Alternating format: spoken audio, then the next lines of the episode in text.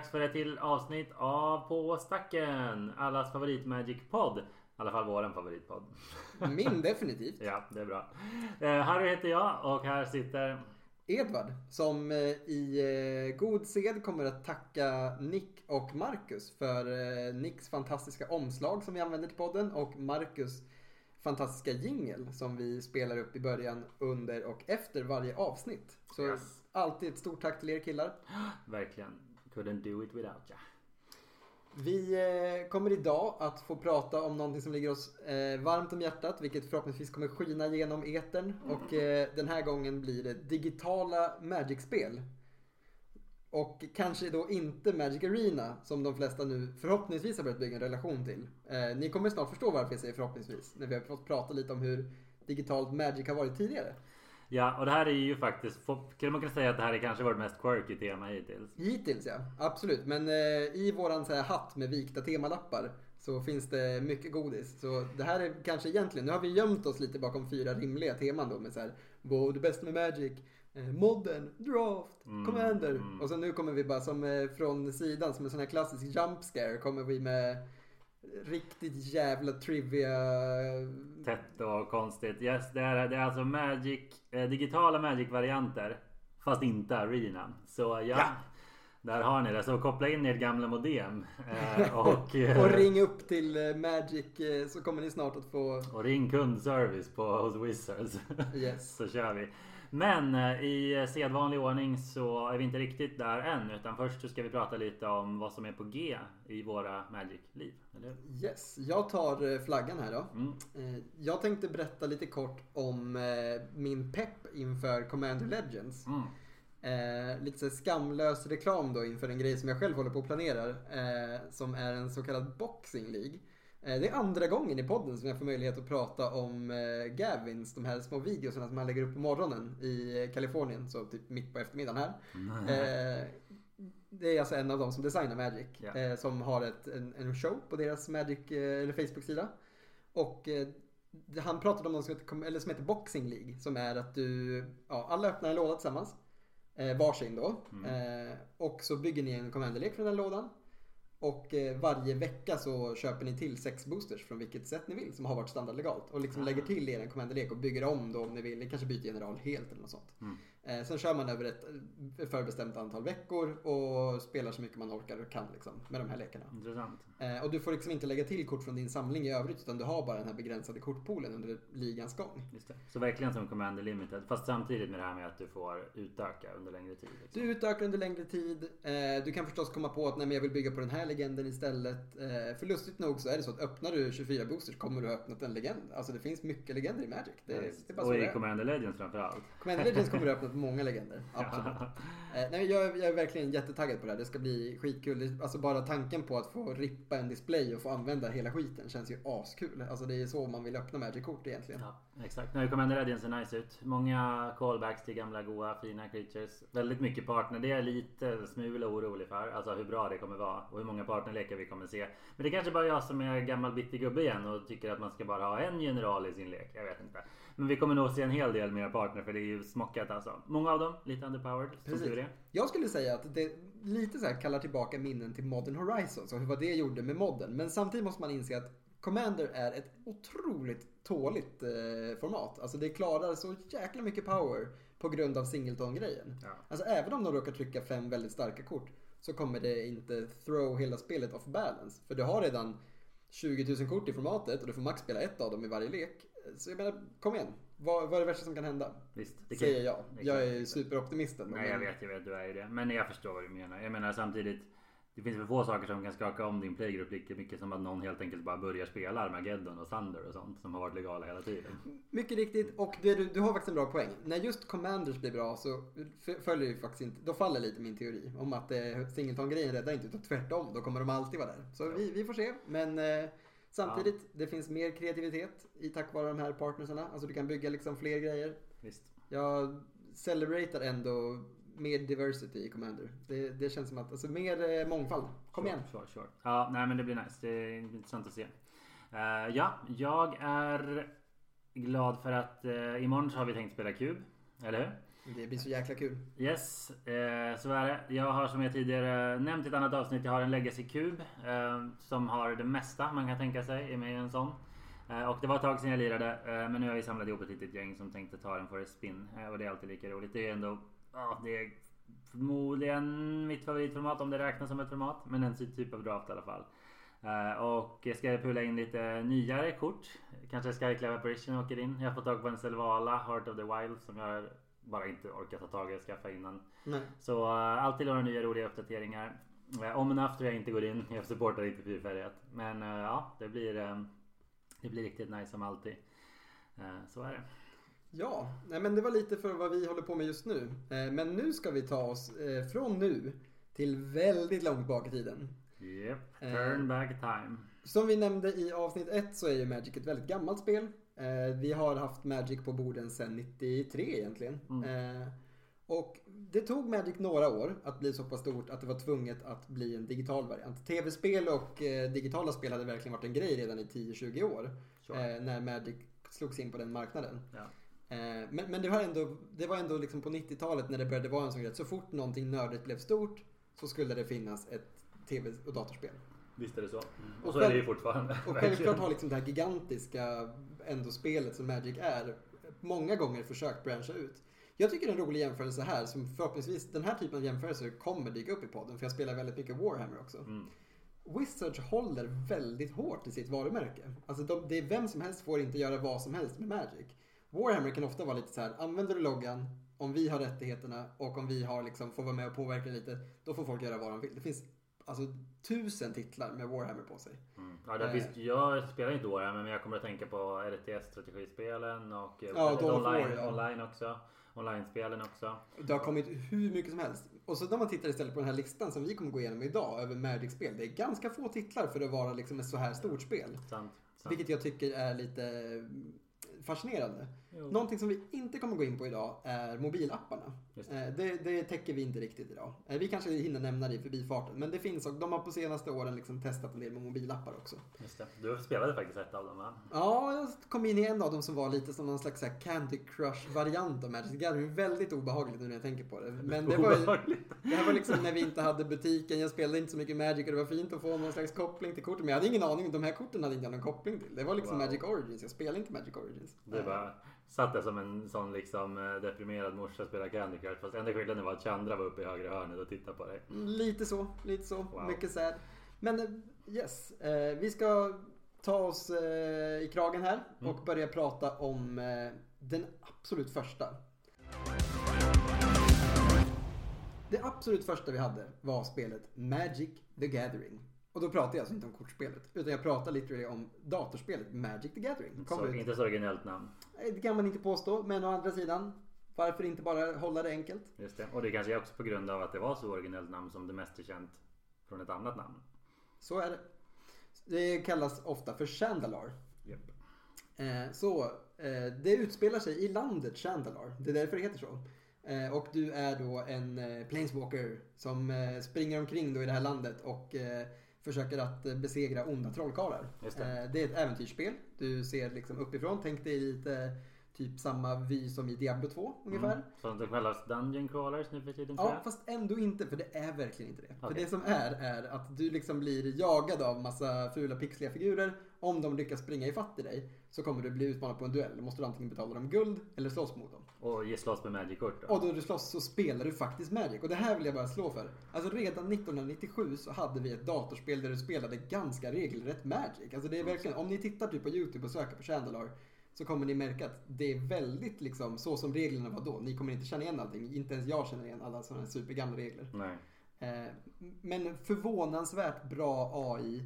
Eh, alltså det är verkligen ett spel. Jag, när jag kollade på de här, jag hade inte spelat på jättelänge, så när jag kollade på de här videorna blev jag verkligen chockad över hur liksom, jag, det här är ju fan Magic. De mm. lyckades då.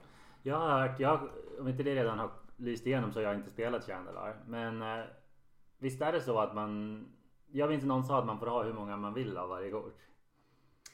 Osäker kan vara så. Ja, Det- jag minns att, alltså, det, verkligen, att det verkligen är det där att du kan köra den ökända klassiska 20 Channel, 20 Fireball, 20 Black Lotus. Men du kommer inte få ihop det. Du kommer ha klarat spelet långt när du fått ihop okej, det. Liksom. okej. Eh, för, för det är det här är grejen. Du spelar, det är Ante förstås. Det här, är liksom, vi pratar, det här kom 97. Ante är fortfarande en grej. Just det. Alltså att du måste ge bort kort när du förlorar. Alltså Ja, ge bort så fysiskt. när du besegrar en sån här eh, motståndare som har sprungit fatt dig eller när du har gått in i en dungeon och slagits mot en motståndare eh, och defeatat liksom the blue wizard typ, då får du ett kort av den. Eh, så du springer omkring, köper, vinner kort, bygger upp en bättre och bättre lek. Du kanske får tag på lite moxar, du får tag på lite faktiskt bra creatures. Det fanns inte så många bra 97.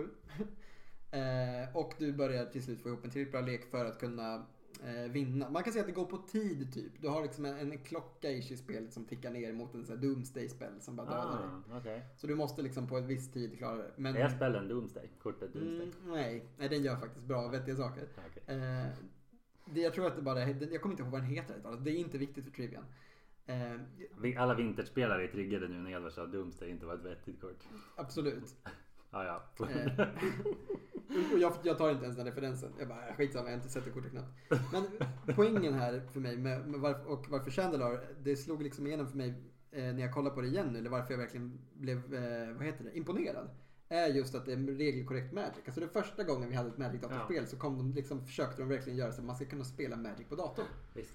Eh, för det kommer vi se med många av de andra spelen, att de kompromissar väldigt mycket med Magic-spelandet. Mm. Det tar väldigt lång tid egentligen. Det tar eh, ett antal år här, härifrån innan vi får det första riktigt bra Magic-spelet. Och sen kommer det många där de försöker göra andra saker än att spela Ja. Magic. Exakt, visst är det så. Eh, och, men exakt, det var Chandelar. Eh, och i- om inte det heller redan lyst igenom så har vi researchat lite för det här avsnittet. Eh, och eh, två väldigt obskyra Magic-spel som vi just lärde oss om är det som heter Magic Battle Mage och Magic Armageddon. Och de här hade jag faktiskt inte talas om innan. Eh, och, eh, Vilken vill du ta? Du får välja. Okej, ja, nej, men jag kan prata lite kort om det här Magic Battle Mage då. Det är alltså ett reality-strategispel som släpptes till PC och Playstation 97, alltså samma år som Chandelar. Ehm, och eh, det var ett reality-strategispel, vilket då är alltså samma stil som Age of Empires och Command and Conquer och så. Jag känner mig som en så jävla glasögonorm nu, men heter det inte real time strategy? Ja, det är sant. Just det, just det, exakt. Real, realtidsstrategi blir det. Jag drar i mina hängslen lite här. Ja, exakt. Exakt. Eh, Och anledningen att ingen kommer ihåg det här spelet är förmodligen för att det var helt värdelöst. Eh, Det blev sågat vid fotknölarna av recensenter. Det var tydligen helt brutet, trasigt, obalanserat, eh, buggigt. Och framförallt så var det inte ett dugg likt Magic. Det påminner väldigt lite om Magic. I rak motsats till Chandalar som ändå försökte. Eh, Och eh, nej, alltså det, det karaktärerna, absolut några Magic-figurer som dök upp. Men annars inte mycket. Eh, Bolaget som gjorde det, eh, vad heter det, har nog inte mycket att skryta om kring det här projektet. Det ska Så- också sägas, det här försökte ju på något sätt skörda framgångarna från typ så Warcraft 1 kan man misstänka och typ Red alert. Det fann, alltså Mm. real, time strategi-genren var ju stor här i början på 90-talet, mitten på 90-talet. Eh, så jag förstår ju att man ville liksom ta ett känt varumärke och bara kasta in det som man gör ibland. Visst, men, visst. men då, det räcker ju sällan. Ja. Det räcker ju sällan att bara ta varumärket, det måste finnas någonting i spelet också. Det verkar ju på recensionerna här som att det saknades substans. Man kan ju verkligen se framför sig ett RTS i Magic-världen. Tänk dig typ ett som går ut på att du antingen spelar som Mirrans eller Och då har de Phyrexians. fem färgerna liksom representerade Ja, i fem lag. Exakt, antingen det eller bara att det är till exempel om Phyrexians mot Mirrans på Mirrodin. Du vet. Alltså man kan Jo. ändå se hur Predators i någon slags här går runt och, och då kan du bygga massa små soldiers, Leonins du vet och Humans liksom, Bullshock Berserkers och slåss mot Phyrexians. Absolut, bla, bla, bla. absolut. Man kan ändå se det. Det skulle kunna vara, vara nice. Eller Ursa mot Mishra War med Methatran Soldiers eller vad de heter. Om man är Ja. old school. Ja, du fattar. Du äggar min fantasi nu. Jag Mm, måste liksom mm. bita mig i tungan nästan här. För det Mm, finns så mycket inte spännande. Det är väl ett eh, väldigt så, en flopp, total flopp får vi ändå säga. Det kan vi lugnt Det säga. finns en anledning till att vi inte har hört talas om det. Exakt. Sen har vi en till då som kommer eh, samma år, 97 där. Eh, också en flopp. Det var Ja. nämligen så att Armageddon. Eh, det är ju roligt att det är det kortet. Alltså om Magic det är något. Magic-kort du ska trycka, nämna, liksom namnge ett spel efter så är det ju inte Armageddon tänker jag spontant. Med tanke på vad det gör, vilken status det har liksom i Magic Community idag. Liksom, ingen Commander-spelare. Ja, det är fint. Ja. Så, Armageddon. Eh, extremt sällsynt spel. Det skapades bara fyra stycken Armageddon-arkader i världen. Ja, det Eh, visades innan- på en spelmässa har jag för mig. Ja, Och det stod det knappt så. det. Mm. Sen gick bolaget som gjorde Armageddon i konkurs. Och det var det. Ingen tog över projektet. De här fyra spelen finns någonstans i världen nu. Jag önskar att det var på Spelfaktoriet i Eskilstuna men tyvärr kan vi inte erbjuda den spelupplevelsen. Jag vet faktiskt inte ens vad det gick ut på. Det stod inte i artikeln, alltså vad, hur själva spelet var. Men det är någon form av arkadspel. Nej, exakt. Ja, ja. Whoops. Whoopsie, helt enkelt. Eh, Och sen dröjde det tydligen fyra år innan de försökte igen. Nej precis, vi fortsatte spela Chandler i fyra år till. Japp, japp. Och sen så gjorde de ett uh, Magic-spel till Dreamcast, Sega Dreamcast. Det släpptes bara i Japan. Eh, vi hittade inte jättemycket info om det heller. Jag tyckte det var roligt när de beskrev vad det handlar om. Det står så här. It takes place in the town of Magic Heart. The surrounding areas, the surrounding areas of Murg, Kamat Island, Lidar Forest, Yeluk, Tornel and the Balance Tower. Lägg märke till att ingen av de här sakerna har med Magic att göra. Jag känner inte igen någonting. Rätta som jag fel men det här låter som sju helt orelaterade platser. Så de har ju antagligen skapat liksom en helt ny värld. Och inte använt det enda som Magic har att erbjuda till en liksom game, alltså datorspelsadaptation. Exakt, tänk om man skulle hoppa in i Magic och man började med det här och man bara ah, it takes place in Magic Heart. Därför spelet heter Magic the Gathering. Åh vad härligt. Vad är det här för skit alltså? Ja, vi måste nästan... eh, Vi får släppa den, men det här måste vi kolla upp. Det Ja. låter som ett fantastiskt. Tyvärr är Sega Dreamcast en väldigt rare konsol. Ja. Eh, Men om det är någon som kan tänka sig att och berätta mer om det här så får ni gärna göra det, för det här lät fantastiskt. Jag skulle gärna vilja se en playthrough. mm. Okej, nu kommer vi till ett till liksom, spel inom citationstecken. Det här är mycket mer, nu går vi framåt in liksom, närmare där Magic kanske borde vara. Ja. Eh, Interactive Encyclopedia. Eh, och det här var egentligen en kortperm kan man säga. Alltså typ en digital kortperm där du kunde eh, lägga in din samling typ. Du hade liksom alla kort som hade kommit fram tills dess i, skapade i det här spelet då återigen inom citationstecken. Eh, men anledningen till att det kallades för Interactive Encyclopedia där du kunde se liksom alla kort och sånt och kolla upp alla kort i Magic Mm. var att du också kunde bygga en lek och spela med den. Men då fanns inte det som man kallar för rules enforcement i Magic-spelsammanhang. Alltså det fanns ingenting som tvingade dig att följa regler utan det var bara liksom en tyst överenskommelse mellan dig och motståndaren. Att ja, du drar ett kort per tur, Mm. du spelar, eh, om någon boltar din gubbe då får du själv flytta där borta från spelbrädet och sådär. Visst. Eh, och ja, det var ändå en värdefull komponent tror jag i Magic-världen ett tag tills, och nu kommer vi ändå fram till vi kommer att prata mer om den här, så jag tänker att vi bara nämner den i förbifarten. Men 2002 så hände ändå den första, liksom, sen Chandler, riktigt stora digitala Magic-utvecklingen. Exakt. Och eh, jo, ni vet alla vad det här är för något. Eh, eller hur va? Det är ju inget mindre än Magic the Gathering online. Precis, MTGO. En Mm. helt bara digital Magic. Magic digitalt. Exakt. Skillnaden från det här och till skillnad från många av de andra spelen är att det var all fokus på gameplay. Eh, Det var ingen story. Eh, Så som många av de andra spelen som till exempel då Sega Dreamcast-varianten. Ja. Och Chandalar som hade en story som du följde. Eh, Men så var det inte här utan det här var bara du spelar Magic punkt slut. Och vi kommer komma tillbaka till den och snacka mycket mer om den. För att Magic Online är ju det överlägset mest long running, mest satsiga och satsiga säger jag verkligen så här med ja, mm, ja, vi kommer till det. Yes. Så är det. Men exakt, Magic Online släpptes 2002. Och då slog det ut Interactive Encyclopedia. Det blev lite, ja, det blev lite liksom överflödigt. Jag kan introducera nästa spel och sen, det här kommer vi båda ha mycket att säga om. För vi har tack och lov båda en, en, en relation till spelet. Eh, Tack och lov. det här, nu, nu närmar vi oss liksom hjärtat här. Eh, jag minns när jag gick in på liksom spel, tv-spelsbutiken och plockade upp det här lilla paketet och bara jäklar i mig. Ba- Magic Battlegrounds. Och kände liksom igen eh, estetiken med färgerna och manusymboler och allting. Och bara okej, det här måste jag ha. Köpte det liksom och drog hem, installerade det på min PC.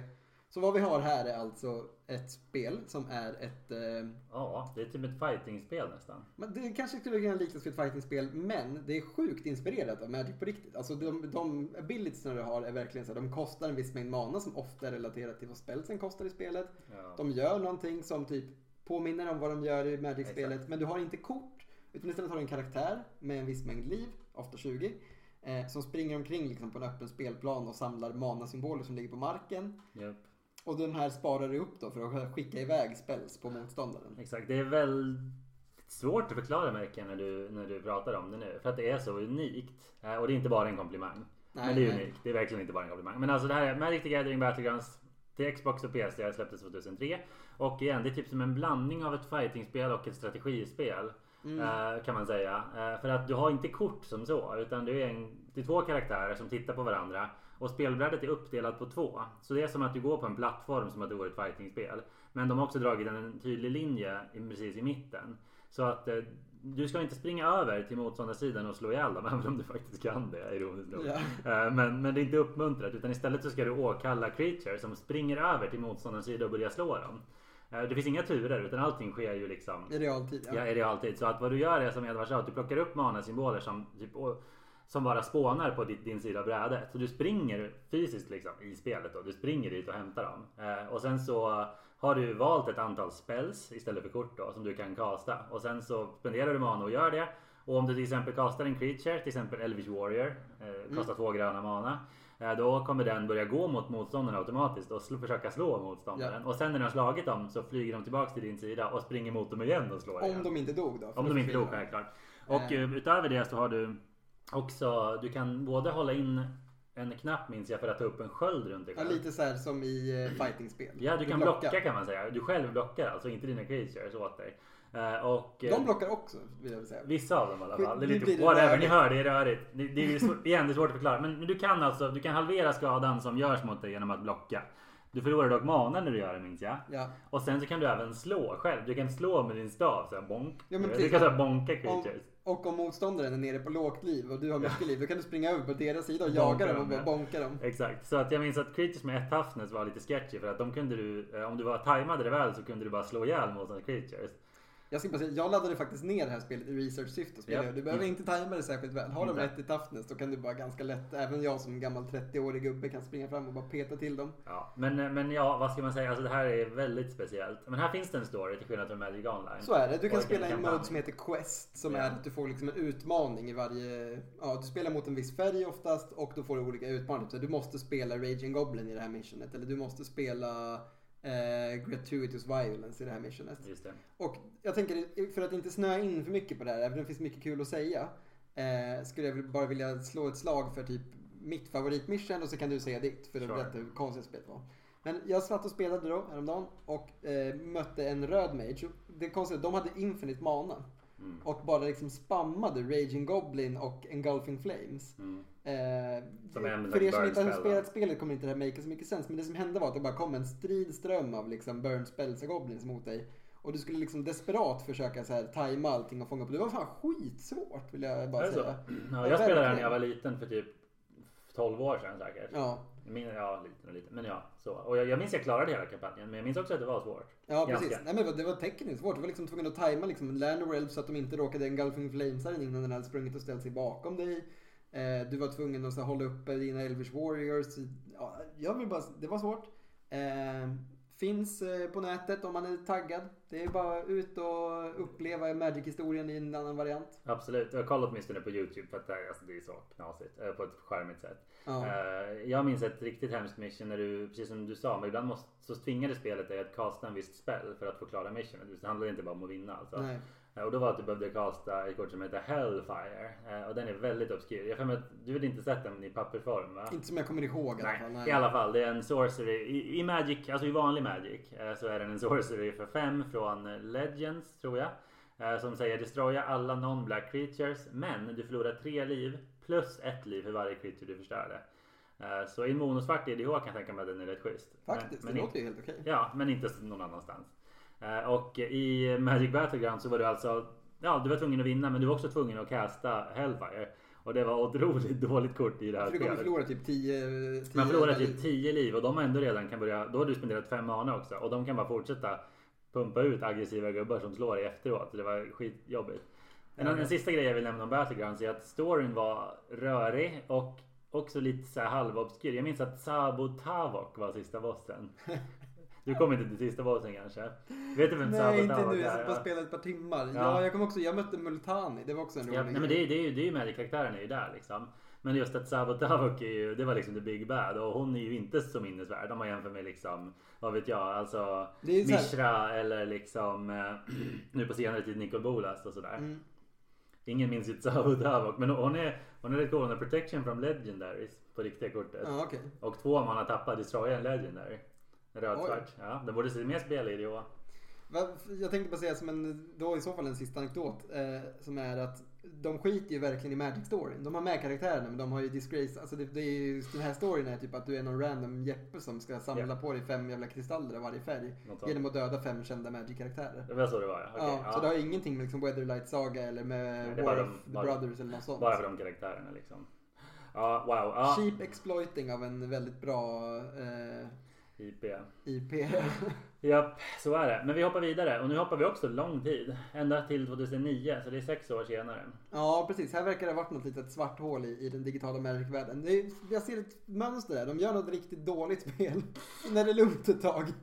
För att de var där kanske inte var det våran grej. Vi kanske ska hålla på med papperskort. Ja, men kanske. De var upptagna där efter Battlegrounds med att banna eh, artefaktländer och eh, vad heter det, Skullclamp och sen rädda skiten från Kamigawa och så vidare. Nu hoppar vi alltså hela vägen till 2009. Eh, tre, sex år efter Battlegrounds. Man undrar ju vad som hände där. Men vi ser ett mönster, eller hur? Verkligen. Eh, Det, det, man får känslan av att varje gång de har lyckats, eh, eller de inte lyckats, de har misslyckats. När det kommer ett spel som kanske inte blev en bra representation av eh, vad Magic är och där man har miss, missbrukat det här fantastiska spelet. Då verkar det ligga lite lågt med det digitala. Japp, exakt. Så uh, sex år senare fick vi alltså Duel of the Planeswalkers eh, till Xbox i första hand. Det kan Ja. ha funnits till PC direkt. Det kom i alla fall sen till PC. Yes. Eh, och det var väl ändå, det var en väldigt tappert försök att göra en modern variant som verkligen är Magic. För det kan man inte tveka på. Du Nej, spelar, regelmässigt Magic. ja, du spelar verkligen Magic.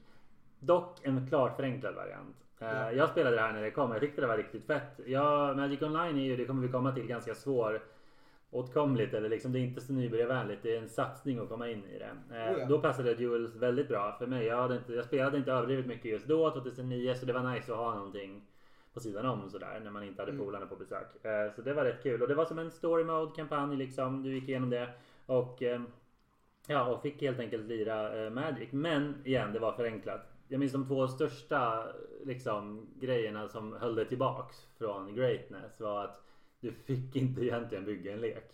Det fanns typ 10 custom-lekar och du låste upp fler. Eh, och du fick liksom inte bygga om dem i grunden. Utan istället var det så att du låste upp extra kort när du vann. Som du kunde lägga till leken om du ville. Eh, men du fick inte ta bort grundkorten. Så vissa kort bara var där. Ja, så det är ju verkligen så här klart limited eh, lekbygge. Eh, så det var ju, mm, ja, sådär. Och en eh, grej till som jag minns är att det fanns inga non-basics alls. Så. så det var bara basics som gällde. Så det gjorde ju liksom att det var ju bara mono eller, eller tvåfärgat som var, gick att spela mer eller mindre. Så ja, what can I say? Det var, det var kul, det var nice, det var schysst grafik, HD och sådär. Så det tyckte man var trevligt. Alla som köpte det fick också en kod så man kunde hämta en, eh, ett promo i sin lokala spelbutik. Just det, så var det ja. Jag De ser man dyka upp ibland. Japp, Det är eh, kul. Garruk Wildspeaker fick man om Ja. man köpte X från Xbox. Och sen fick du en annan Primeval Titan så det var helt okej kort. Jag vill bara säga också en sak som slår mig med det här. Att jag blir så förvånad när jag tänker på att det är väl ändå 2009. Vi har, alltså datorspel är ju liksom har tagit över hela världen när det kommer till nörderier. Eh, på ett Sen sätt länge, sen länge. liksom. Sen länge. Och, och det är så självklart att, liksom, att, att datorspel kan vara bra nu. Liksom. Man kan inte gömma sig bakom ett dåligt datorspel på något sätt längre tycker jag. Och sen att du inte ens kan bygga om din lek i det här Magic-spelet samtidigt som World of Warcraft liksom är inne i sin fjärde expansion. Eh, du har haft, jag vet inte hur många kodspel, alltså datorspel har ju liksom, det är som sagt, det, ja, det är redan allt. Ja. Eh, och så samtidigt så sitter vi när vi ska spela Magic så sitter vi ganska nöjda för att vi faktiskt kan spela reglerna rätt på vårt Xbox-spel. Liksom. Ja. nu, vi kommer börja toucha lite på det när vi kommer in på Magic Online också. Liksom, att det tog alldeles för lång tid egentligen för Wizards att bli relevanta digitalt. Minst sagt. De försökte dock som sagt med Duel of the Planeswalkers och de uppdaterade det flera gånger. Det kom en till version 2013, 2014, 2015. Det här var ändå deras flaggskepp och jag spelade inte alla varianter. Men det blev långsamt bättre. Det var ganska klara uppdateringar. Det var var coola aspekter. Jag minns att de även introducerade karaktärer som eh, och så illustrationer och sånt som är helt unika minns jag. Till exempel The Raven Man minns jag var med. Det är Lilianas nemesis typ. Han har fortfarande inte kommit på ett riktigt kort. Ja, Och även en karaktär från Kaldheim var med minns jag. ja coolt. Japp, en Planeswalker som vi får se om han dyker upp nu när det släpps. Ja, just det. Eh, Men det var, det var återigen, det var nice men det var inte riktigt up där. Jag vet att eh, vissa, vissa streamers ändå online, Youtube-kanaler la upp Duels videos och var rätt populära. Eh, och sådär. Så det, det var ingen flopp på något sätt. Men det var ju fortfarande far cry från... Jag tänker att ett bra, för mig ett väldigt bra exempel på hur långt det var från att vara bra, alltså bra på riktigt, Ja. var att under tiden som de fortfarande släppte det här spelet så kom ju Blizzard med liksom en, eh, ett bevis på att säga, okej men vi vet hur man gör digitala spel och det vet inte ni. Så wake up på något sätt. Och det var att vi fick Hearthstone. Japp. Som för oss Magic-spelare, även om man kan kritisera det för att vara, det, det är något helt annat, det är ett annat spel än Magic. Och det tar liksom inte vara på mycket av det som är bäst i Magic. Men det är ju i princip en portning av Magic på många sätt också med så här, hur du spelar det. Eh, du har mana, du har creatures, du har liksom, det, det är väldigt likt Magic. Exakt. Eh, och det var ju för oss på något sätt det var också lite en förolämpning. För att man bara, okej men det går ju. Vad, vad är problemet? Här har liksom Blizzard visat att det går att skapa ett väldigt bra samlarkortspel digitalt. Som funkar skitbra.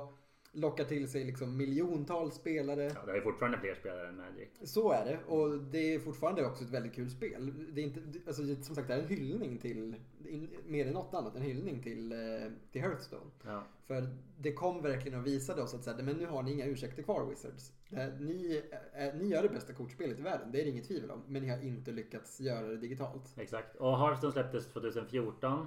Eh, Jag minns det här var en grej förut hur man uttalade det. Du sa Hearthstone. Ja, jag säger Hearth för att det, ja, strunt samma. Men i alla fall, jag minns att jag bråkade om det här när det var aktuellt också. För, för folk typ, ja, många sa Hearthstone också, whatever, ni fattar. Hur som helst, det släpptes 2014. Eh, och då släpptes fortfarande Magic Duel som du sa. Så det Mm. blev verkligen tydligt. Och jag spelade, och igen, alltså jag, jag, jag retar Hearthstone så ofta jag får chansen. Jag brukar kalla det så här väldigt drygt, barnversioner av Magic. Oh ja. Ja, och det är så här man bara, ah, ja, men det är väl kul du vet om man, ja. Om man är nybörjare kan det väl funka. En liten inkörsport sådär. Det är också roligt med tanke på att du har spelat ganska mycket faktiskt. Jämfört med jag skulle säga det, jag skulle säga det. Men trots det, när Hearthstone kom och ett par år efter så spelade jag ändå halvaktivt. Jag spelade halvofta. Eh, Och det är ju för att det var så jäkla snyggt och lättillgängligt. Alltså, Mm, det är fast paced precis som det behövde vara. Japp, modernt, du kunde bara hoppa in, ta ett game, backa ur, whatever. Liksom. Det var inte Mm. som på Magic Online. eh, Där du behövde, om du startade en draft så var du bunden i fyra timmar. Liksom. Oh ja, det kommer vi komma in på. Ja, exakt. Ja, men det, var, det var verkligen så. Och eh, jag minns också en sista grej man kan säga om Hearthstone var att fan vad bra det gick i början. För mig. Och det också tror jag. Alltså, det var lätt i början, Ja. innan folk hade lärt sig. För att vi hade så himla Exakt. mycket med oss. Exakt, vi hade en sån sjuk edge eh, av att ha spelat Magic i år efter år. Mm. För att alla de här koncepten som är aktuella i både Magic och i Hearthstone hade många av de här eh, gamla, alltså WoW- WoW-spelare som bara oh det här Blizzard gör något nytt, vi testar. De hade ingen aning. Så, så här, kortövertag, tempo. Bomber, Eh, se ja, men- vad som är en bomb. Liksom. Ja men precis, removal, vikten av det, allt det här. Det kunde vi liksom, det sitter i ryggmärgen. Så jag minns att jag verkligen krossade på det som kallades arena där, så draft liksom. Mm. Första året. Och sen medan tiden gick så blev ju folk bättre. Sen bara, "Men, det är ju inte lika roligt längre, nu inga free roll wins. Ja ja, skit det. slutade du. Då bara drar jag härifrån. Ja, det är fint. Eh, Men, Vi går vidare. det gör vi. Det gör vi. Och jag tänker att det helt enkelt är dags att eh, snacka om the big one. Eller hur va? Mm. Så vill du ta ton eller? För, för mig så började egentligen Magic Online med att jag, alltså det började på riktigt på något sätt när jag flyttade till Umeå. Eh, och jag var lite inne i Magic för att jag började spela mycket här hemma till slut, liksom efter att ha mest spelat med brorsan. Hade några års eh, spelande på nacken igen, alltså med aktivt, aktivt spelande. Och så kom jag liksom bort från det. Men jag var fortfarande väldigt taggad på Magic. Så, så här, vad, vilken väg tar man? Och då blev det på något sätt sättet som jag bröt mig in i Magic Online. Mm. Eh, Och det här var 2009 är det. Så det var 11 år sedan nu. Shit. Ja, det, man börjar bli gammal. Eh, blev inte mycket plugg gjort i Umeå. Blev däremot jävligt många drafter. Så det här är lite kul för för mig blev det här verkligen, det tog över mitt liv på ett sätt. På, på, fast jag, det är ett positivt minne dock. Jag tycker inte det känns jobbigt att tänka på det och prata om. Fan vad kul jag hade. Nej absolut, jag ångrar ingenting. Ja, det är bra. Eh, önskar att jag hade spelat ännu mer när jag ändå hade chansen. Om jag ändå skulle sumpa skolan kunde jag gjort det ordentligt och bara fortsatt. Så jag hamnade till och med i det här drömläget som brukar säga åtråvärt för, för oss plebs. Som är att man liksom till slut, det går så bra för en när man draftar att man får mer tickets varje dag än vad man hade när man började för att det går så pass bra till slut. Liksom, att du vinner. Mhm, mhm. Eh, Nice. så Magic Online i kort är liksom, det är verkligen precis som Paper Magic men digitalt. Så du har liksom en samling med alla korten, du kan byta dem på en öppen marknad, de har sitt eget värde online. Eh, du har liksom alla kort från hela Magic historia, de har liksom printat in varenda jäkla kort. Japp.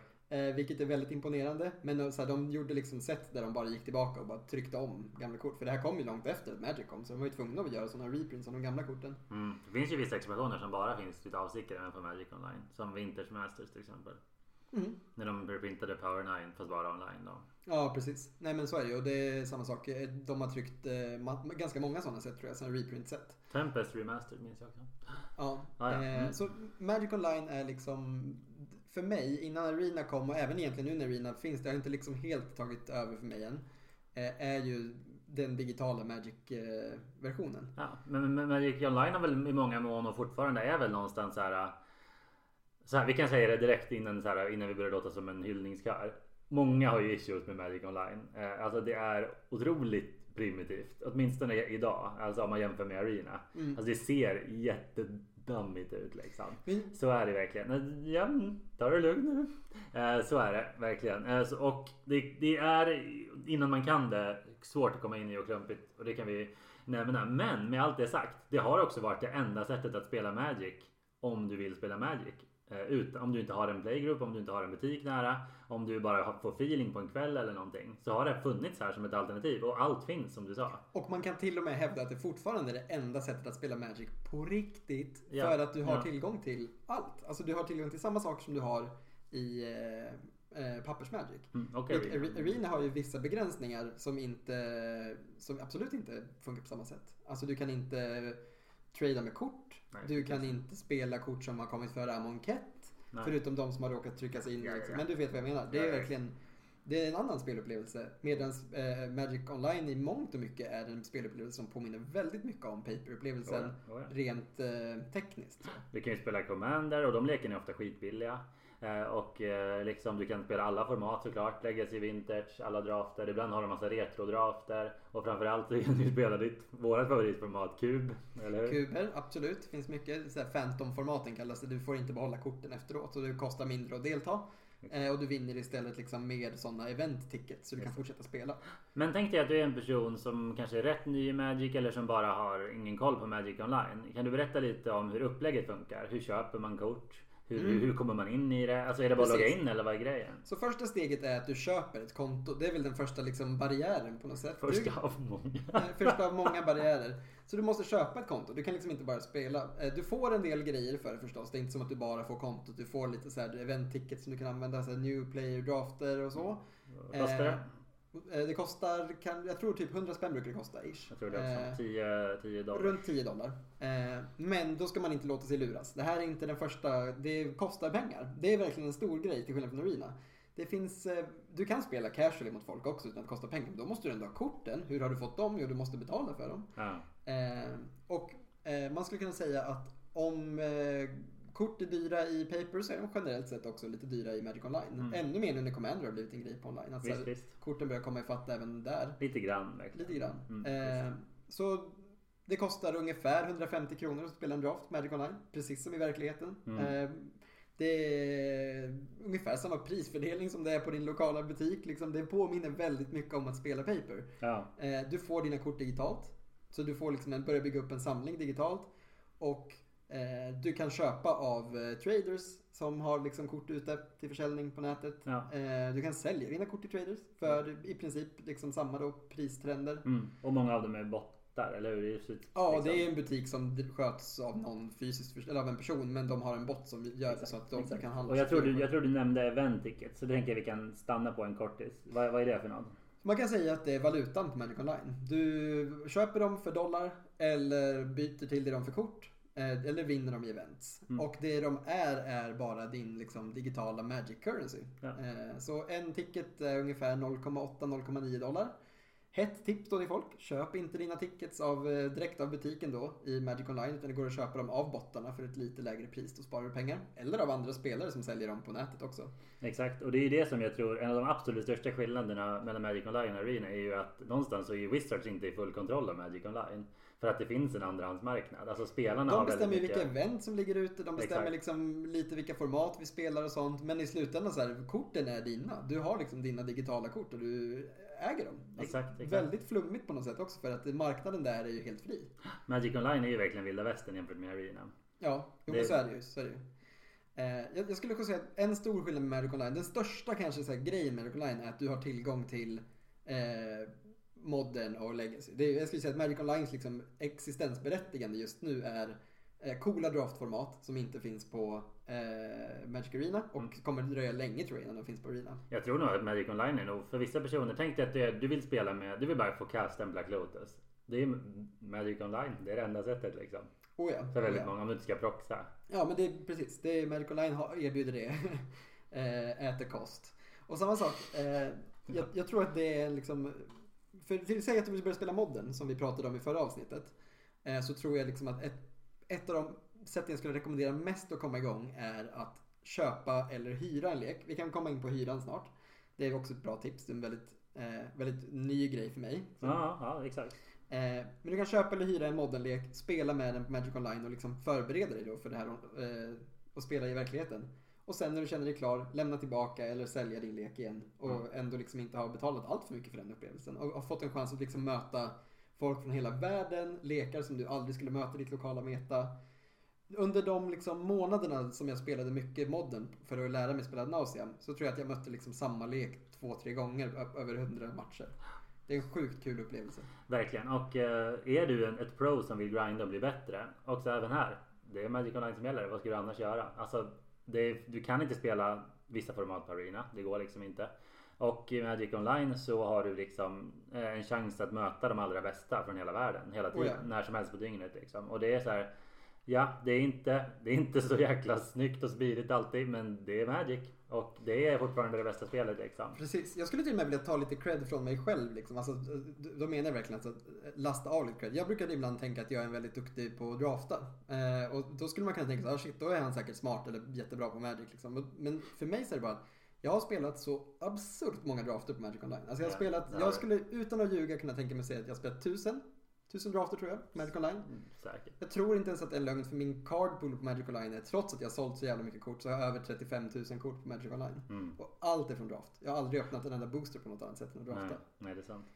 Ehm, så you do the math. Det är 45 kort per draft liksom. 35 000. Det blir väldigt många drafter. Ja. Ehm, jag tror att för mig eh, det som har, har varit liksom viktigt är att jag har fått lära mig att spela på ett väldigt oförlåtande och kompetitivt sätt. Eh, och verkligen bara nött mig igenom alla mina jobbiga, dåliga misstag på Magic Online. Och det gäller förstås för Constructed också. Vill du bli skitbra på modden, du har tillgång till motståndare 24-7. Exakt. Varav vissa kommer vara de bästa spelarna i hela världen. För de sitter också där. Du kommer möta, alltså spelar du mycket, du kommer hunnit möta de absolut bästa spelarna i det formatet. Efter liksom bara några månader. Visst. Visst. Eh, och tanken på det är så här, ja du, du kanske aldrig kommer möta dem i en Pro Tour. Men du kanske kommer få möta dem på Magic Online. Era liksom gemensamma globala FNM på något sätt. Visst är det så. Om bara hoppa in i en vintage queue och chansen att LSV sitter där och, och dördlar Storm. Det är inte omöjligt. Samma med Cube. Ja gud ja. Nej, Väldigt verkligen, roligt. Verkligen. Eh, Ja. Nej men visst är det så. Du har helt rätt. Och det är gött när man väl är inne i det. Då, när du väl fått flow på det. Men jag, jag antar att jag måste vara den jobbiga rösten här och säga att det är inte lätt att komma in i det. Nu pratar jag inte om att det inte är lätt. Det som du sa. 100% sant. Det är inte lätt att vinna mot de här människorna. För att det är stenhårt. Men det är också inte lätt att komma in i det. För att det märks att det är gammalt. Det är en gammal klient. Den har uppdaterats fyra gånger läste jag. Men alltså. Det är fortfarande. Det märks att det här gjordes för Windows 98 liksom. Ja. Jag tycker en sak som man ska verkligen, eh, som är viktigt att säga här är att det har ju att göra med att de måste ta hänsyn till den enorma cardpoolen. De kan inte sitta och göra effekter till varje kort för du har alla kort i hela spelets historia. Du kan inte sitta och göra Eh, alltså alla kort ska funka med varandra på ett sätt som Arena liksom aldrig skulle orka idag. Utan det kommer ta jättelång tid innan vi kommer dit med Arena. Visst, alltså interactions mellan kort från Alpha och hur de funkar med nya kort. Förstå hur mycket press det ligger på designen av den här klienten för att den ska kunna hantera allt det här Mm. utan att krascha. Mm.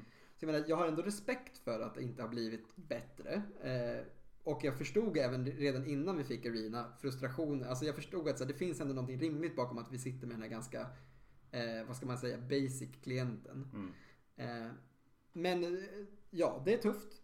Eh, det, är- det, den är inte super strömlinjeformad. Nej, till exempel att försöka sälja kort till bottar. Alltså det är ju verkligen den gamla skolans internet. Det, det kan också, om du verkligen vill twista det här positivt, så kan jag tycka att det finns någonting lite gulligt nostalgiskt med det.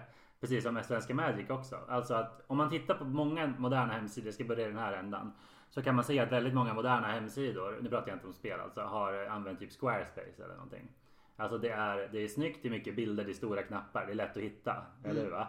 Men om du går in på till exempel Svenska Magic som är en sida som är gjord med gammal HTML. Det är en helt annan story. Men det finns också andra fördelar. Det finns ju verkligen schyssta funktioner. Om du bara lyckas klicka dig rätt. Det finns saker på Svenska Magic som jag fortfarande så jag inte riktigt har förstått hur de funkar. Liksom alla funktioner som finns som mm. bara är nice. Och samma med Magic Online. Men du måste liksom skriva in i ett fält.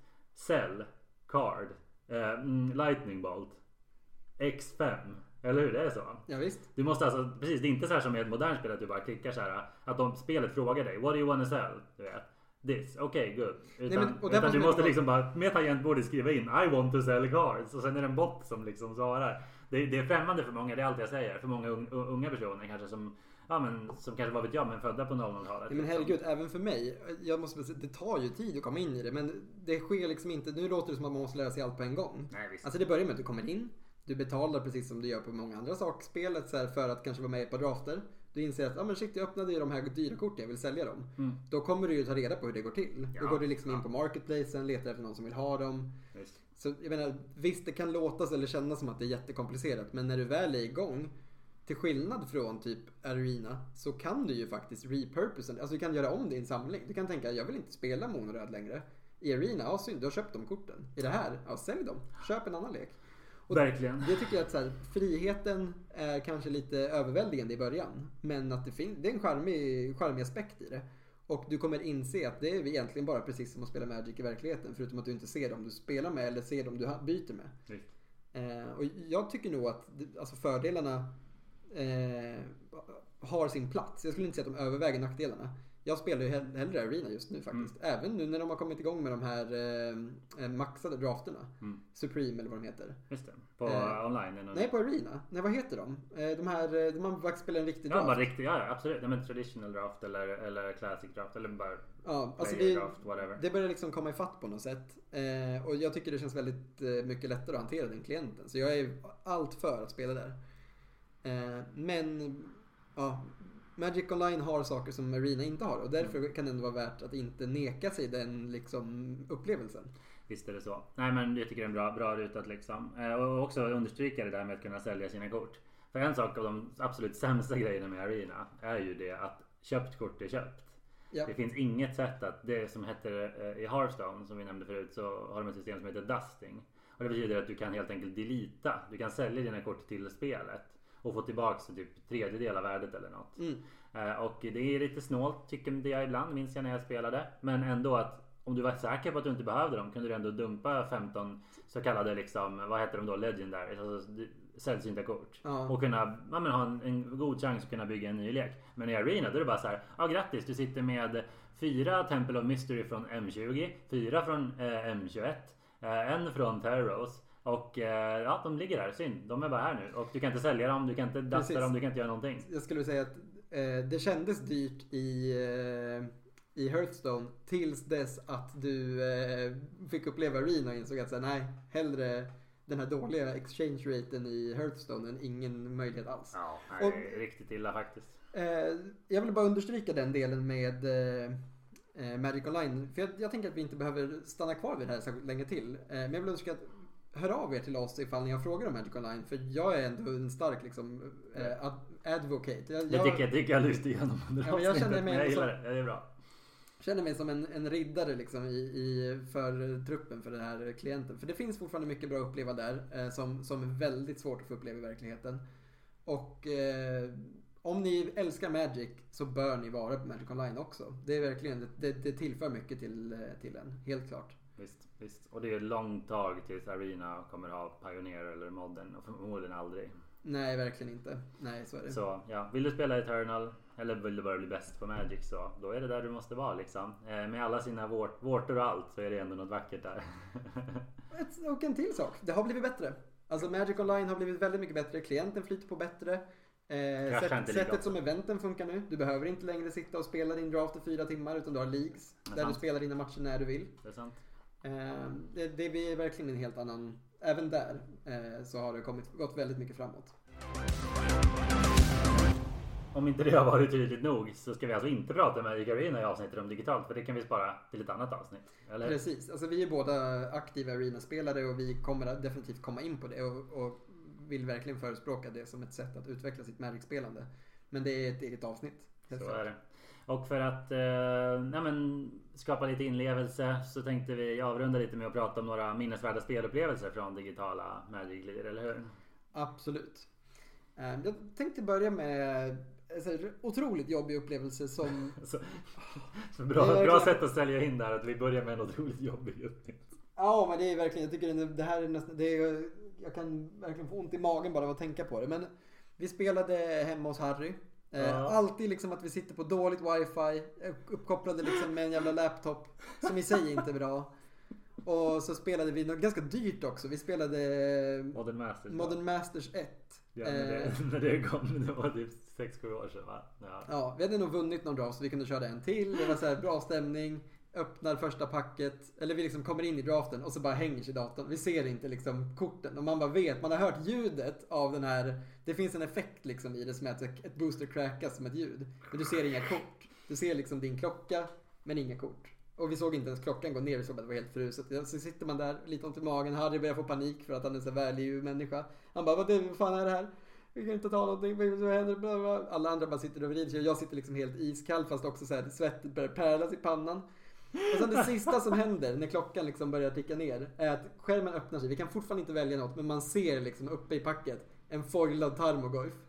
Det var verkligen som bara, jaha, den var, kostade just då 200 tix, alltså 200 dollar på Magic Online för den var så otroligt eftersökt. Det var Mm. verkligen galet. Det var galet. Det var, Eh, var det så galet? Ja, kanske. absolut. Du, du kan gå tillbaka och kolla upp det. Ja, ja, nej men visst. Ma- Magic Online kan ha den tendensen att de korten som är väldigt eftersökta blir ännu dyrare än i papper. Medan kort som är så här mitt emellan, typ chockländer och sånt, de kan vara ganska billiga för att så här, Ja. folk redan har dem. Eller, lite konstig ekonomi men så är det. ja, den är väldigt rationell kan man säga. Det finns ingen nostalgi egentligen där. Utan där är det bara hur många vill ha den.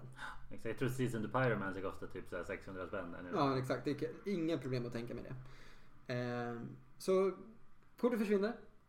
Det är inte en slut på storyn för där var vi alla. Alla var väldigt upprörda eller bara låg på golvet och garvade för att det var så sjukt. Vi var ganska många. Vi kanske var 8-9 personer hade något slags stort häng liksom. Det var verkligen... Ja, jag tror du satt i bakgrunden och lirade bara så höll vi på med Ja, precis. liksom. Men ni, alla, det här var ju alla, allas liksom hög... Alla kollade på det här för att det var så himla absurt. Ja. Eh, det här händer. Eh, vi sitter där. Jag sitter och bara har lite ångest. Game 1. Vi börjar spela. Det första som händer är att motståndaren tur 2 lägger ut en foilad Tarmogoyf. Och vi bara tok förlorar första gamet mot våran egen Tarmogoyf. Och jag kommer ihåg att det var så här, man bara nej det här är... Det var bara... Till, till saken här, det var bara upp på hästen. Vi fortsatte ju spela förstås. Så det var Ja, ingen mer och en liten tröst kan nämnas att på Magic Online så kan du ansöka om pengarna tillbaks om, någonting, om det Ja, har tekni- kraschat. tekniskt strul, de är väldigt generösa. Det är egentligen, de, de friar alltid i princip. Ja, och det gjorde vi då också. Vi fick pengarna tillbaka. Vi fick pengar tillbaka ur draften, vi fick ingen Ingen Tarmogoyf. jäkla Tarmogoyf. Vi bara can you please give Tarmogoyf? De bara no. Nej, nej men nu- jag vill bara så här, det låter hemskt. Det var hemskt. En del av att spela online är att saker som aldrig kan hända i paper kan hända där. Men ja, så att vi inte liksom översäljer det här heller. Sånt här kan hända. Japp. En annan liknande fail är just när du säger att det är oförlåtligt så betyder det ju också att så här, om du spelar i paper och du bara råkar missplaya. Eller hur? Så Ja, kan du bara så här, säga till motståndaren. Nej men är du skyrre eller? Du vet, är det lugnt? Och då kan du ofta säga ja om det är något jättetydligt. Du har bara läst fel på kortet. Tänk att du är på en pre-release liksom. Och du bara så här. Ja jag spelar den här och så innan du ens lagt den på bordet så ser du att nej det är inte bra. Jag ångrar mig. Ja, precis. Din gubbe kanske har protection från black. Whatever. Vad det nu kan handla om. Och nästan alltid kommer folk bara. "Ah, Ja det är lugnt liksom. Ja, eller även, om de, även om de inte säger det så är det fortfarande, du, det fanns ju en chans att de skulle säga det. Ja, verkligen. Men Ja. den chansen finns inte i den digitala världen. Icke. Om du klickar så här, råkar klicka en gång för mycket och bara hoppa över combat. Ett klick. Så bara, man, spelet bara, vill du slå för lethal eller? Man bara, absolut. Så bara, klicka fel. Nej, det blev ingen attack. Du kan inte gå tillbaks. Dina Nej. creatures ligger där, du har inte vunnit. Du passar turen, de har förlorat. du kan inte bara judge. Det Exakt. finns ingen judge.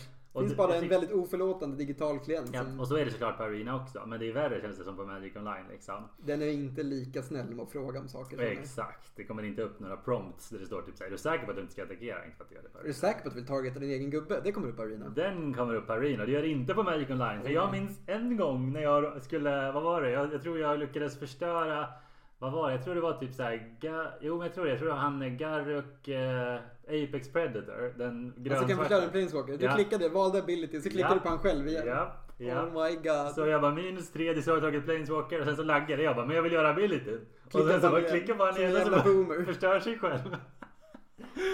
ja, det är riktigt kris. Ja, det har man gjort faktiskt. Det har jag gjort flera gånger vad du kan tänka dig. Eh, Nantuko Shade. Ja, offra sig själv. Offrar en, välj en creature, offra en annan creature. Den abilityn finns ju på massa grejer. Man bara, precis som du säger, man klickar, man glömmer bort att man har klickat. Eller man, så här, det kändes inte som att jag registrerade klicket. Du klickar igen så bara försvinner din gubbe. Man bara hopp. Ja, det var det. Ja, det är riktigt illa. Jag minns också en gång som våra kompisar påminner mig om ibland fortfarande när jag spelade Cube.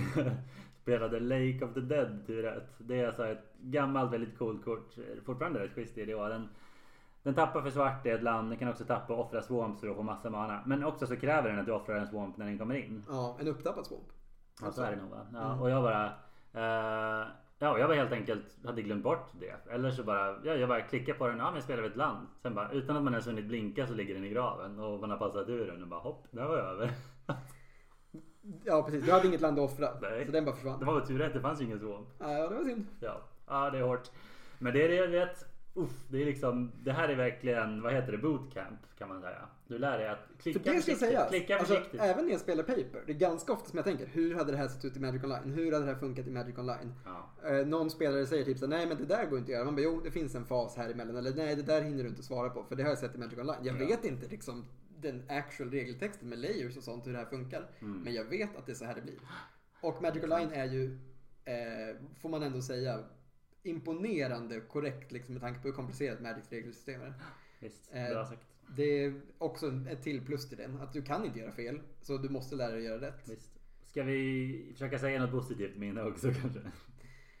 Absolut. Nej, men jag, jag, inte, jag tänker om jag ska säga ett positivt minne så kommer jag nog bara säga något så enkelt som alla tusentals eh, minnen, spelminnen i drafter. Alltså, tänk, det, jag är otroligt tacksam för att jag har fått ha alla de spelupplevelserna genom den här klienten som jag inte hade haft annars. Och kom ihåg hur många kubdrafter jag har kört där och hur många kort de inte genererat i samlingen. Det är därför jag menar att jag lätt har spelat över tusen gånger. Ja, för att det är liksom så många drafter som inte har genererat faktiska kort efteråt. Och det är så jag har draftat de senaste fem åren. Visst.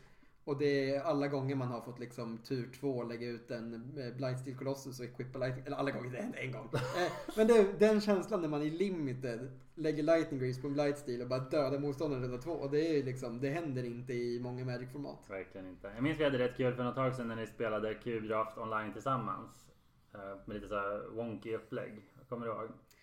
Just det, det var jättekul. Vi satt hemma hos dig, du var också med. Ja, jag har varit med någon gång i alla fall. Jag tror ni kört fler än en gång. Alltså det, principen är så här. Eh, du öppnar en draft, ni är X personer, Mm. gärna många för att det blir ännu sämre.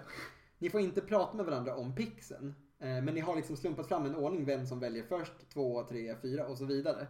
Eh, så ska ni tillsammans försöka drafta en lek utan att kommunicera med varandra annat än genom pixeln. Just det. Eh, väldigt kul, väldigt lärorikt för nya spelare för att de får se hur man själv tänker liksom, och de får mycket så här skit efteråt fast uppfostrande skit. Liksom. Man, man tar inte den här över den här. Eh, och paniken liksom när det ligger ett så gjutet first pick i första boosten och, mot, och man ser hur någon bara nej jag ska nog ha Hero of Bladehold för den har jag sett är väldigt bra. Man bara ta inte Hero of Bladehold, ta Solring. Precis, den är bra men, men solring. Ja. Eh, så, sånt är imponerande. Oh, men väldigt kul. ja. Eh, Ja men det är skoj.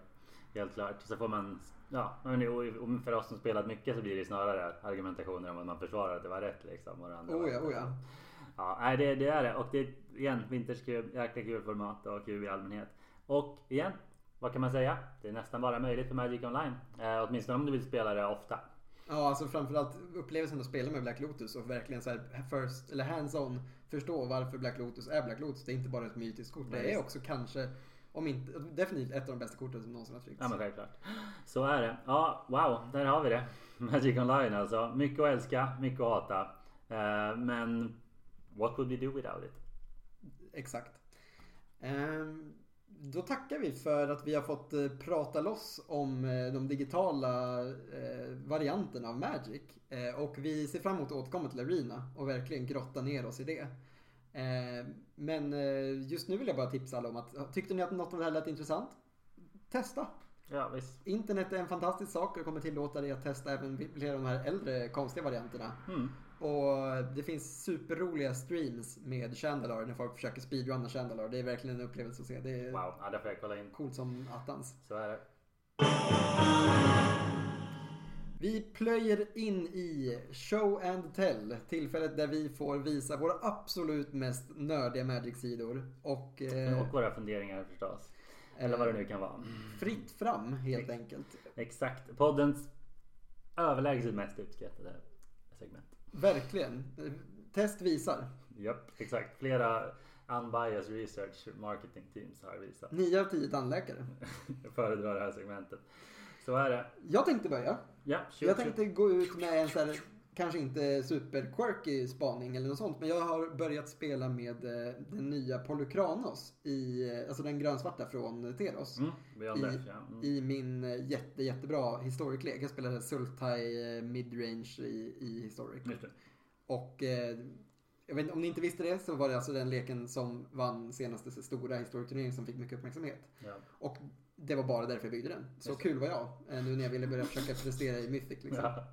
Exakt, du höll på där och grinda Mythic förut ja. Ja, och spelade Elementals, det gick liksom okej. Men nu när jag kom upp i liksom hög Mythic så började jag spela min Sultai-lek och verkligen märkte att så här, okej den här leken är sjukt bra. Men vad gör eh, Herre på Lukranos då? Här på Lukranos säger dels då, om du spelar honom för sin vanliga kostnad, alltså fyra mana, så får du in en eh, creature med sex stycken counters.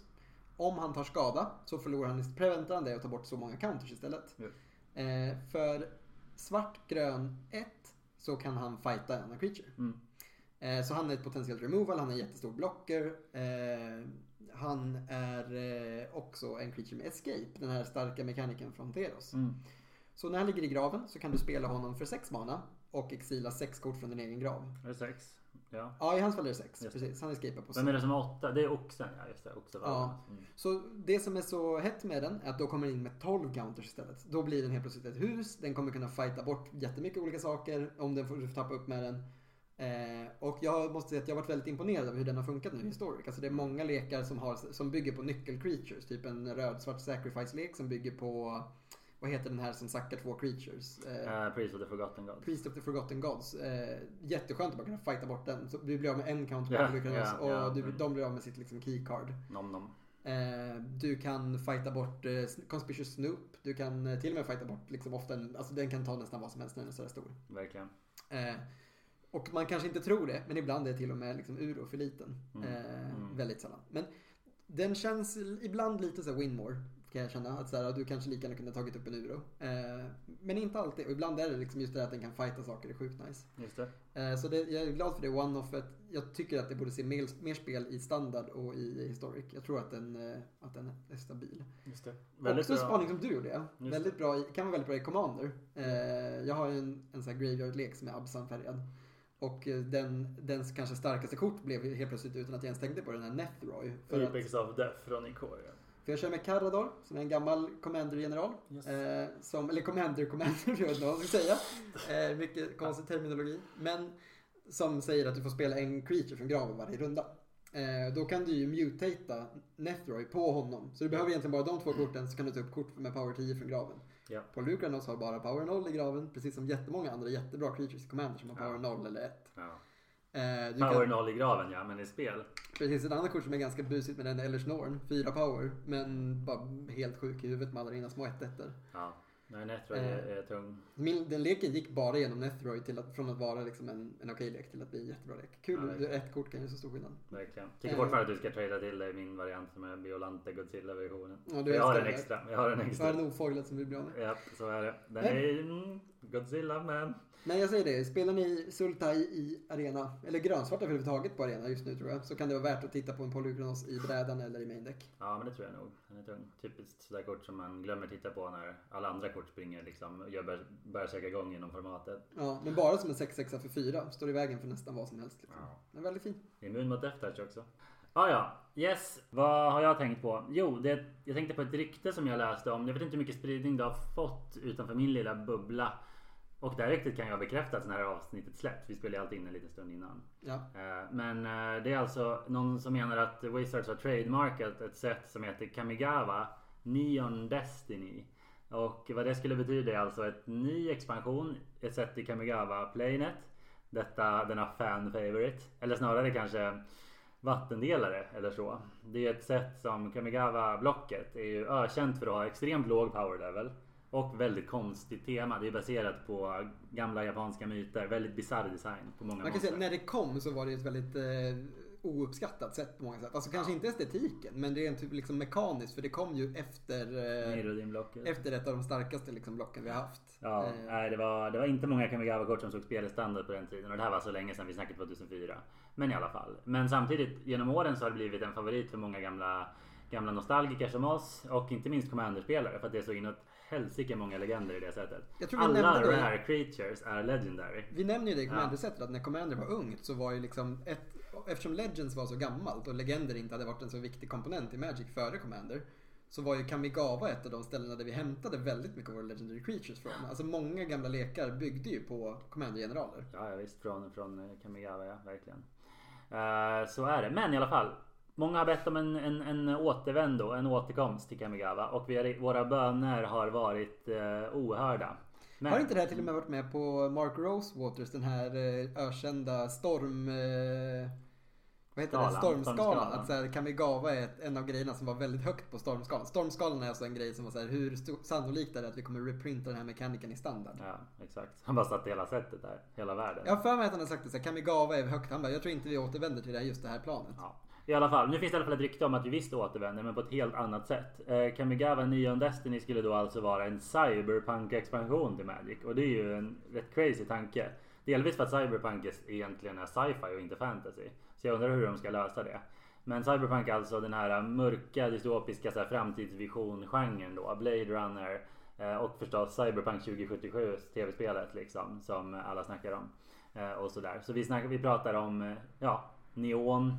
Vi pratar laser, vi pratar liksom knasig 80-tals estetik. Vi pratar Tight, åtsittande läderkläder, exakt. Och svävare och grejer. Så en Magic-expansion där. Alltså jag är både lite förskräckt men också lite taggad för jag älskar Cyberpunk och jag älskar ju Kamigawa så det, det låter spännande. Återigen bara ett rykte. Men en spaning som jag tror att um, jag ändå skulle vilja slå ett slag för är att om det nu blir så att vi, vi kör Kamigawa Neon Destiny eller en annan Kamigawa expansion så tror jag att de helt kommer strunta i det här med klassisk japansk mytologi. Ingen konda. Inga, inga liksom, eh, ja men inte, inte många sådana konda gamla gubbar men framförallt inte de här konstiga spiritsen. Alltså Nej, det är så, så jäkla skum design på. Utan istället så tror jag att de kommer göra det som alla förknippar med Japan idag. Och det som var en slam dunk succé i War of the Spark. Nämligen animebilder. Jag tror om vi ser Kamigawa igen så tror jag vi kommer ha så många anime alt arts. Det kommer bli Weeb galore. Weeb paradise. Det, det är min, min, min bett i alla fall. Oavsett om det blir Cyberpunk eller inte. Så om det blir Kamigawa så kommer det vara väldigt mycket anime waifus alltså. Ja. Hade det här varit för två år sedan så hade jag sagt till dig så här, inte en chans. Det här är vi inte i Magic. Mm. Men eh, de har pushat gränserna. Alltså de har verkligen fått eh, pusha gränserna och jag tror inte att eh, du har fel. Det skulle verkligen kunna vara så. Eh, dock, man ska vara försiktig med läckor. Man vet aldrig. Nej, absolut. Men det återstår att se. Får vi Cyberpunk? Får vi väldigt mycket anime girls i vår Kamigawa? Ja, oavsett, det kan nog bli nice. Intressant spaning. Eh, jag uppskattar, jag själv är ju inte på Magic Reddit. Så du kommer ju med mycket sådana här eh, spännande spaningar till mig. Det är uppskattat. så gärna så. Ja. Fint, men då säger vi sådär va? Ja, tack så jättemycket för ännu ett avsnitt. Alltså det är verkligen eh, kul att få nörda ner sig och som vi sa, det här avsnittet hade ju verkligen sin, sin beskärda del av nörderier. det är nog ingen brist men, men lite smalare tema. No doubt about that. Vad tycker ni om det? Ska vi ha så här smala teman? Ska vi ha ännu smalare? Ni får jättegärna kommentera och bara fortsätta likea, dela, ni vet hela den faderullan. Så Ja. hörs vi snart igen.